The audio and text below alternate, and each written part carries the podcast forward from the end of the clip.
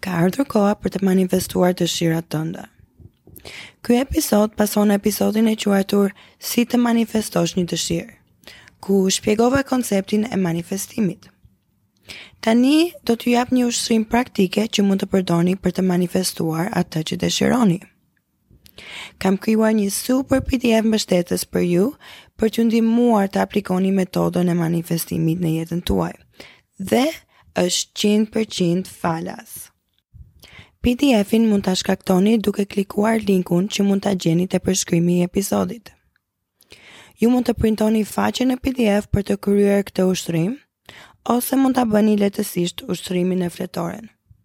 Dhe mund ta përdorni PDF-in vetëm te kompjutri për udhëzim. Si ju kam premtuar, në podcastin Aulona Alchemy, do keni mësime për të manifestuar jetën e ëndrrave me metoda më të fundit, falas dhe në gjuhën shqipe.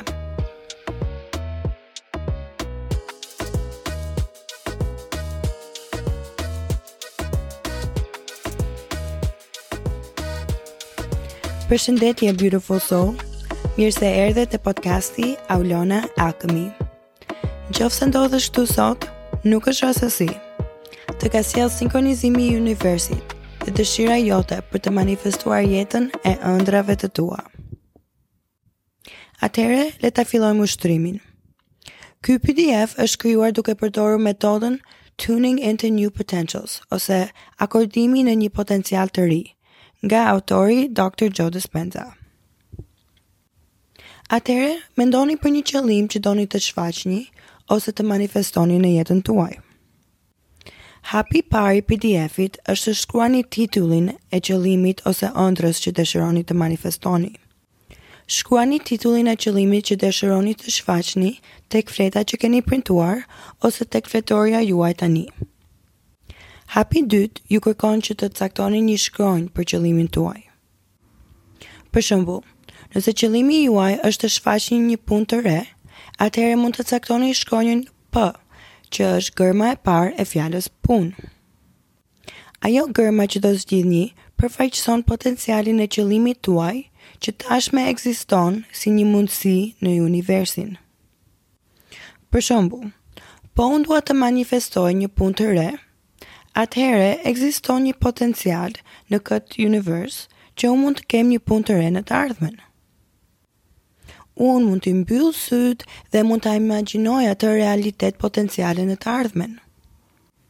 Unë do përdor germën P që të më kujtojë potencialin e asaj të ardhme, kur unë mund të kem një punë të re dhe të mirë. Mund ta shikoni këtë shembull në PDF-in me disa shënime. Në hapin 3, duhet të vizatoni dy rrathë të gërvishtur rreth shkronjës që keni vendosur. Këto rrathë përfaqësojnë frekuencën e qëllimit tuaj. Kjo frekuenca është e barabartë me ndjenjat e së ardhmes suaj ose energjia e së ardhmes suaj. Shkronja që përfaqëson qëllimin tënd, bashkë me rrathët që përfaqësojnë energjinë e së ardhmes tënde, krijojnë një simbol që ne do referojmë herë pas here. Ky simbol përfaqëson potencialin e të ardhmes që dëshironi. Pasi vizatoni rrathët, vazhdoni në hapin 4, ku duhet të jeni shumë të qartë për qëllimin tuaj. Shkruani atë që dëshironi në detaje. Sipas shembullit në PDF-in, nëse dëshira ime është të gjej një punë të re, mund të shkruaj detaje për qëllimin tim, si për shembull, dua ta kem rrogën dyfishin e sa e kam tani. Dua të punoj diku ku ndihem i frymëzuar dhe i vlerësuar. Dua lirinë për të bërë orarin tim. Dua një mjedis të shëndetshëm pune. Ju mund të shkruani gjithçka që dëshironi në lidhje me këtë qëllim, përveç si dhe kur do të ndodhë. Mos shkruani se si do ndodhë dhe kur do ndodhë. Këtë do t'ia lëmë universit. Në hapin 5 duhet të listoni të gjitha emocionet e zemrës që lidhen me qëllimin tuaj. Këto janë emocionet që ju fryjnë zemrën kur i ndieni. Janë emocione pozitive me frekuenca të larta.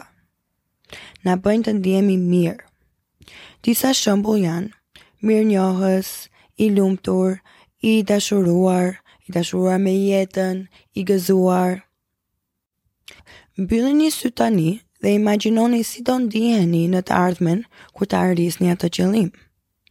Vizualizoni atë të ardhme në detaje. Ça je duke bërë? Ku je?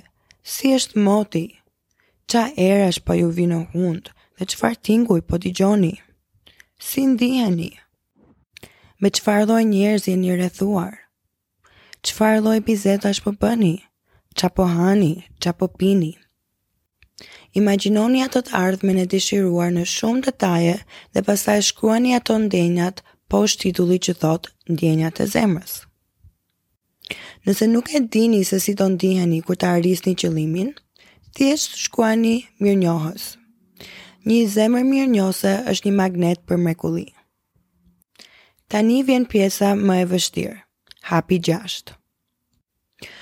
Për të ekzekutuar hapin 6, duhet të fillojmë të ndjejmë emocionet e zemrës që renditëm në hapin 5, përpara se qëllimi ynë të bëhet realitet. Në shembullin tim, nëse po shfaq një punë të re, atëherë duhet të gjej një mënyrë për t'u ndjerë e lirë, e vlerësuar, e pasur dhe mirënjohëse përpara se të marr punën vetë.